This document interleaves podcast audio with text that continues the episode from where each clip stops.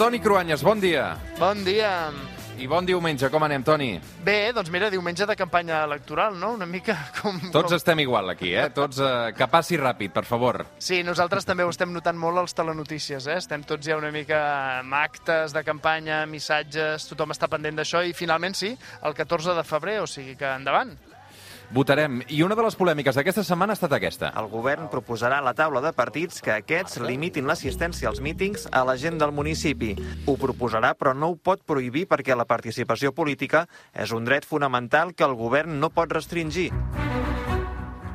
I el ressò que va tenir aquesta notícia, eh, Déu-n'hi-do, tela marinera. Es pot trencar el confinament municipal per anar a un míting, una excepció que ha indignat a molta gent. I cada setmana el que fem amb el Toni Cruanyes és agafar una notícia d'actualitat i portar-lo a la història. Sí, perquè efectivament ha semblat eh, com si els partits discriminessin a altres sectors com la cultura o l'esport en benefici dels seus propis actes electorals.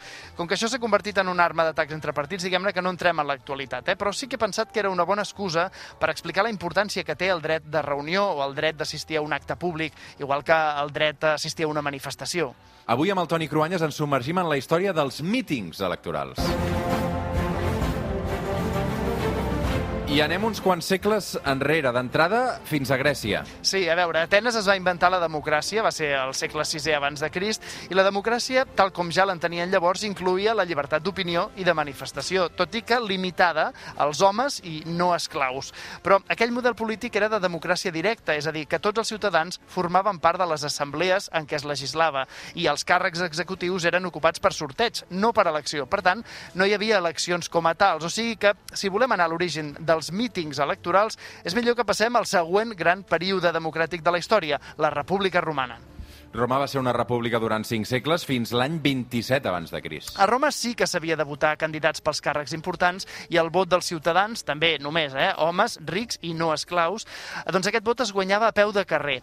És molt curiós, el candidat es passejava acompanyat de gent que li donava suport o dels seus esclaus i entre ells destacava un esclau amb molta memòria que li anava xiu-xiuejant a l'orella al candidat el nom de la gent que es trobava al carrer perquè s'hi pogués referir pel nom i guanyar-se d'aquesta manera la seva confiança. I saps com se'n deia d'aquest esclau, se'n deia nomenclàtor.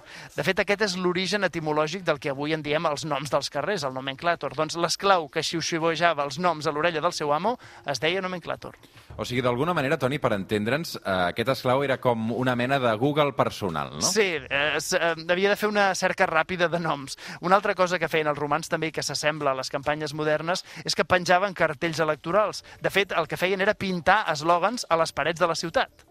O sigui, com un grafiti. Sí, sí, eh, sí, seria un grafiti. Eh, I això estava regulat. Els esclaus del candidat buscaven les parets més vistoses per escriure-hi els seus eslògans. Si el propietari de la casa hi donava el vistiplau, es feia a plena llum del dia, i ho feien dues persones. El De Albator, aquest era el nom d'un blanquejador de la paret, perquè les lletres ressaltessin després més, i el Scriptor, que seria el grafiter, pròpiament dit. I aquests missatges a les parets duraven d'una campanya fins a la següent. Tot això ho sabem perquè s'han trobat milers d'anuncis electorals a les parets de Pompeia, que va ser arrasada per l'erupció del Vesuvi.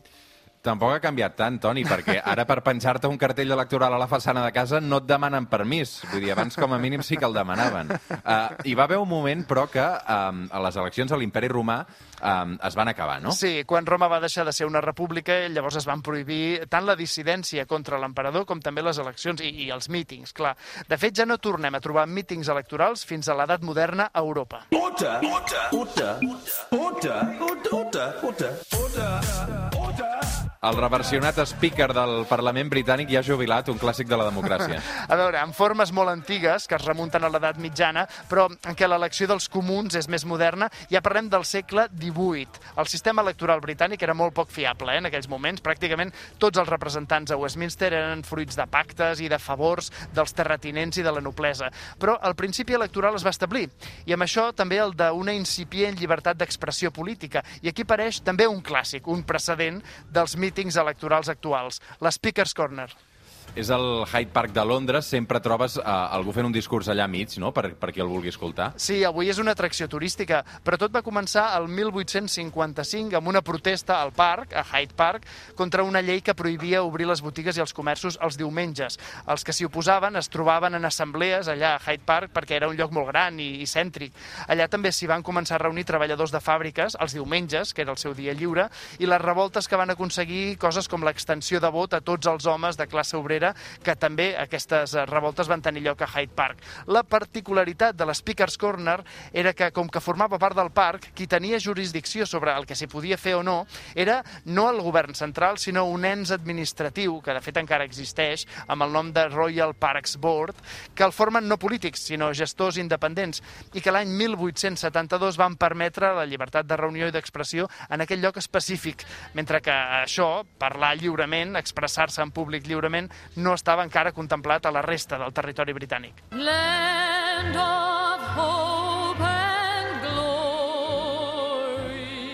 Tu ets molt british, Toni, perquè sempre ens col·loques a alguna història relacionada amb Londres. Eh? Uh, però, però és que és veritat, perquè el Regne Unit és precursor en tot allò que té a veure amb la democràcia, perquè després ja venen els Estats Units, França, clar, els països nòrdics o Alemanya.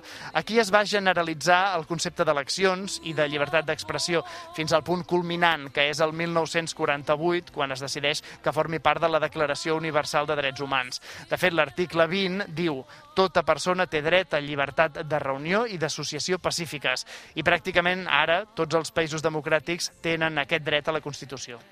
Aquí fins a l'aprovació de la Constitució espanyola el 1978 eh, s'havia de demanar l'autorització del governador civil de cada província per fer qualsevol acte polític, no? Home, jo ho he sentit, no sé si tu també, però els nostres pares i avis recorden com fer actes culturals, fins i tot, a finals dels 60 o dels 70, calia que la censura i la policia hi donessin el vistiplau.